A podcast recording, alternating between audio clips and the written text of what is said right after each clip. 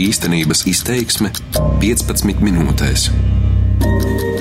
Pagājušajās pašvaldību vēlēšanās 2013. gada 1. jūnijā Zemgalē no 230 tūkstošiem balstiesīgo pie urnām devās tikai nepilns 91 tūkstotis, jeb 39%.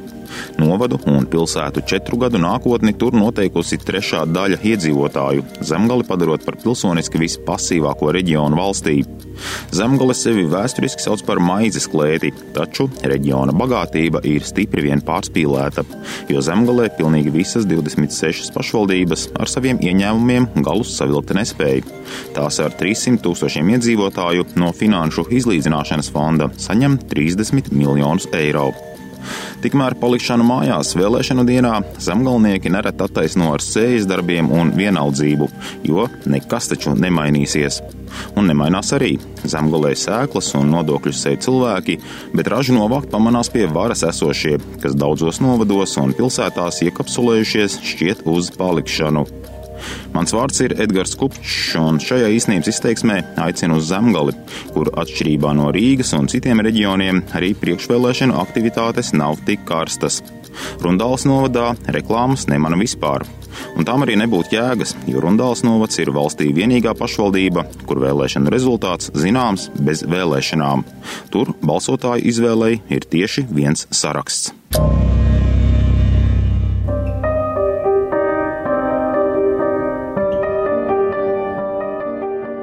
Gadu pēc iepriekšējām vēlēšanām Rundāls novads mazo pašvaldību kategorijā tika pie Eiropas gada pašvaldības titula. Žūrija novērtēja Rundāles spēju gādāt par iedzīvotāju dzīves kvalitāti, piemēram, izglītību, fizisko labsajūtu, mobilitāti, sociālajām lietām un citu pakalpojumu pieejamību.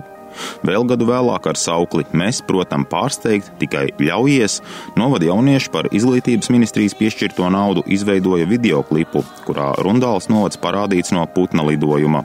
Tajā centrālā vieta, protams, dota baroka pērlei Rundāles pilī. Pārējos dažos attēlos redzami kāpostu un labības lauki, jauns bērnu dārs, saulainas profesionālā skola un pussagruvusī mežotnes baznīca. Mežotnes pilskalna attīstību, panākot arī karā izpostītās baznīcas sēks atjaunošanu, nākamajā četrgadē sola Rundāles novada vienīgais vēlēšanu saraksts cilvēkiem un zemēji. Attīstīt pilskalnu šī vēlēšana apvienība solīja arī pirms četriem gadiem.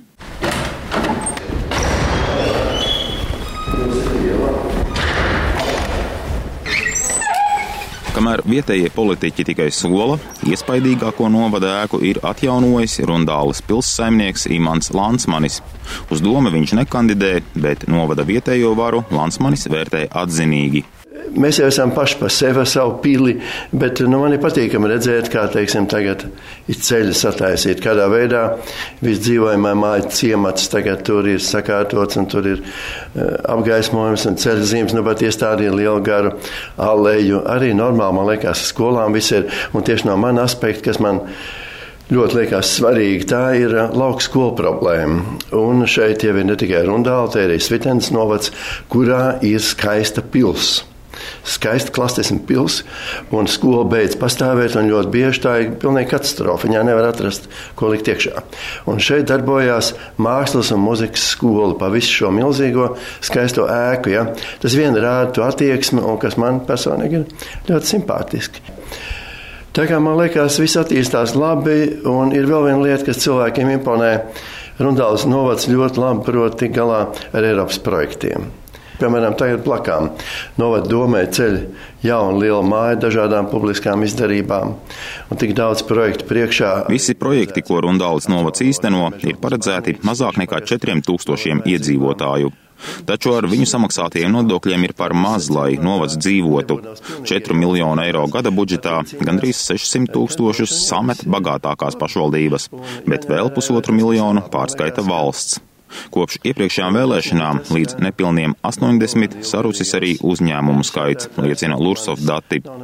Vēlētāju apvienība cilvēkiem un zemei nākamajos četros gados par uzņēmēju darbību sola gādāt, it īpaši par jaunajiem komercantiem, ko atbalstīšot ar naudu. No vienīgā saraksta 12 pretendentiem vēlētājiem būs jānosaka 9 nākamie deputāti. Listē pirmais numurs ir Rundālas ilgadējais vadītājs, 58 gadus vecais Aivars Okmanis Rīgas, kas domē pelna vairāk par 2600 eiro mēnesī. Otrā ir mēra vietniece Inta Klīve, kam šogad paliek 66 gadi. Kandidāta vidējais vecums - 50 gadu. Viņu pieredzi Rundālas pils vadītājs Imants Lansmanis sauc par ieguvumu, turklāt politiskās konkurences trūkums novadam par sliktu nenākšot. Un, ja šī otra saraksta nav, es domāju, tur nāk ļoti vienkārši secinājums. Ne jau, ka tiek apspiesta kaut kāda opozīcija, Tas nozīmē, ka nu, tas tā bija izveidojies. Nu, nav vajadzība taisīt kaut kādu pretmetu. Izsakot, man šķiet, tiešām, ka Runāls nodā viss notiek normāli. Es domāju, ieceva ir laba. Mums ir tik daudz visa, kā galvenais, lai nesabojā to jau, kas ir, un būvē vēl, vēl foršāku. Tikai labu par savu novadu saka arī iecauniece Agita Hauka, viena no aktīvākajām novada iedzīvotājām. Viņa ir sieviešu kluba Liepas dibinātāja, vada Latvijas Zemnieku federāciju, fotografē laukus un bildes izrāda izstādēs, bet iecavā pirms 18 gadiem iekārtojusi ārstnieciskās masāžas kabinetu. Arī vietējā vara savus pienākumus pildījusi labi, atzīst Agita Hauka. Sabiedriskās ēkas ir atjaunotas, interešu izglītība nodrošināta, daudz dzīvokļu mājās centralizētā apkure saglabāta pat ārpus pilsētas. Iecevu jau 30 gadu vadījis Jānis Pelsis, kura divu partiju saraksts vēlēšanās guvis vairākumu. Taču šoreiz Pelsis uz domi nekandidē, tāpēc Iecevas novadā vērojama lielāka rīvēšanās starp pieciem sarakstiem. Ko tad cilvēks sagaida? Kādas tās izvēles tagad ir? Cilvēki nu, tā, dzird, paklausās, ir satraukušies. Jo nevar saprast, par ko vēlēt, jau pieraduši pie pelša. Un, nu, tie cilvēki, kas te sarakstos, ir pazīstami, tikai nu, viņi tā ir. Labie cilvēki ir izmētāti. Gribās jau, lai tie, kas, kurus ievēl, lai tie domā par visiem tiem cilvēkiem, ne jau tikai par sevi un par savām ambīcijām, bet tieši par visiem kopumā. Es domāju, ka mums iedzīvotājiem varbūt gan ir jābūt pašiem aktīvākiem. Un uh, ne tikai jāiet prasīt savas tiesības, bet jāatcerās arī savu pienākumu, jo mēs jau visi kopā to iecavas vidu veidojam. Iecavas novada 9200 iedzīvotājiem, pierīgas turīgās pašvaldības šogad nāks talkā ar 600 tūkstošiem eiro, bet novada budžeta izdevumi pārsniegs 12 miljonus. Uz naudas tērēšanu domas krēslu tīkotāji solās būt naski. Programmās lasāma apņemšanās asfaltēt un izgaismot ielas, līdz 150 eiro palielināt bērnu piedzimšanas pabalstu, visiem pamatskolēniem piešķirt brīvpusdienas, bet labākos prēmēt ar naudu, siltināt daudz dzīvokļu mājas, celt jaunu sporta zāli, izveidot pašvaldības policiju. Taču starp solījumiem ir arī nereālākas lietas, kas balsotājiem ļoti patīk, pat tad, ja plānus neīstenos. Piemēram, varas partija aktualizēs apveceļa nepieciešamību. Ar apveceļu varētu dabūt arī baušķinieku balsis, saka avīzes Bauskas dzīve žurnālists Vilnis Auzāns. Ja vēlētāji gaida, kurš kaut ko pateiks tādu drošu, spēcīgu par Bauskas apveceļu, ka, lūk, mēs panāksim, izsitīsim viņu, nu, tas tā, par to tā kautrīgāk runā, jo, laikam, tas tomēr diezgan nereāli varētu būt salikt kopā šo loģisko vēlmi, ir apveceļu un dzelzceļu būvēt vienā, vienā laika posmā. Tas varētu būt labs trumpis, ja kāds to tādu dzelžēnu apsolītu, ticam apsolītu, bet nu, to tā viss bišķi izvairās solīt. Jo būtībā šis sasaukums ir tas, kuram laikā varētu uzsākties šo dzelzceļa būvu, ja kaut kas grandiozi nenojūg.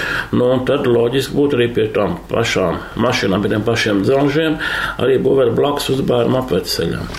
Tomēr par tik tālām lietām Bauskas novada ļaudis vēl nesapņo. Vispirms viņiem pietiktu, ja beidzot salabotu lauku ceļus, Brunavas pagasts šopavasar sacēla traci medijos un politiķu aprindās, draudot bloķēt satiksmi šosejā Rīga-Lietuva, ja nesavedīs kārtībā izšķīdušos pagastu ceļus. Labdien! Cik veiksmīgi jūs atradāt, vai ne? Jau tur, kur smuki. Jā, tepat, kur, kur jūs strādājat, parādiet. Jā, nu, šo, šodien mēs eh, no rīta stādījām kāpustus, un tagad mēs eh, krāmējam puķus uz tīzniecību. Amatnozares ir kāpos skābēšana un vasaras laikā puķkopība. Ja? Mm -hmm. Tā kā redzat, cik te ir skaistuma, tagad mēs to mēģinām visu dabūt mašīnās. Iveta Ļekūne 17 gadu saimnieko pierobežā Brunavas pagastā. No viņas sētas līdz asfaltētajam ceļam pie Bauskas ir 18 km. Divās saimniecībās kopā ar vīru viņa nodarbina desmit vietējos cilvēkus. Darbs ir cauru gadu. Ja jūs visu gadu strādājat, tad jūs visu gadu arī līdz jums vajag braukt. Jā, tieši tā.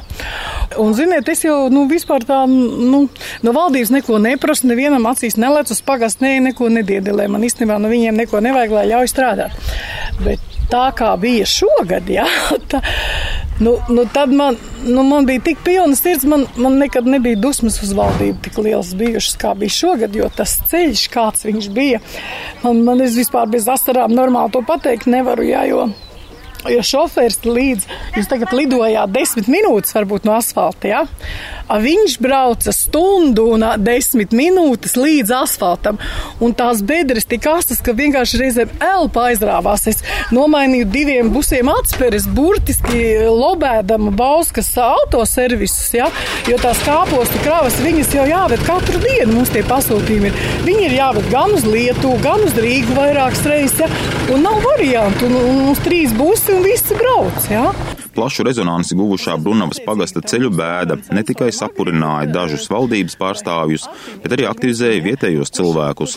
Viens no astoņiem Bauskas novada vēlēšanu sarakstiem tapis tieši ceļu problēmu dēļ, bet citi ceļus kā prioritāti salikuši programmās. Zemniece Iveta Ļekūne saka, būtu labi, ja ar ceļiem izdarītu kaut tikai to, par ko saņem naudu.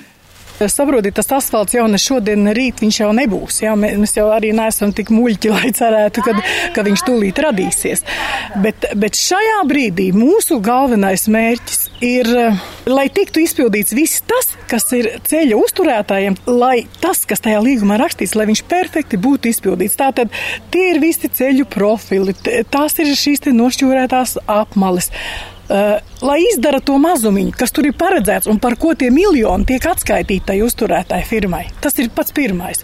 Un tad mēs skatīsimies, kāda būs jaunā Bauskas doma. Ja? Un tad iet uz to, lai šo ceļu pārņem pašvaldību īpašumā, un tad lēnām, lēnām domā par asfaltu. Nu, es tiešām gribētu savus vecuma dienas sagaidīt uz asfaltēta ceļa, ja tiešām gribētu.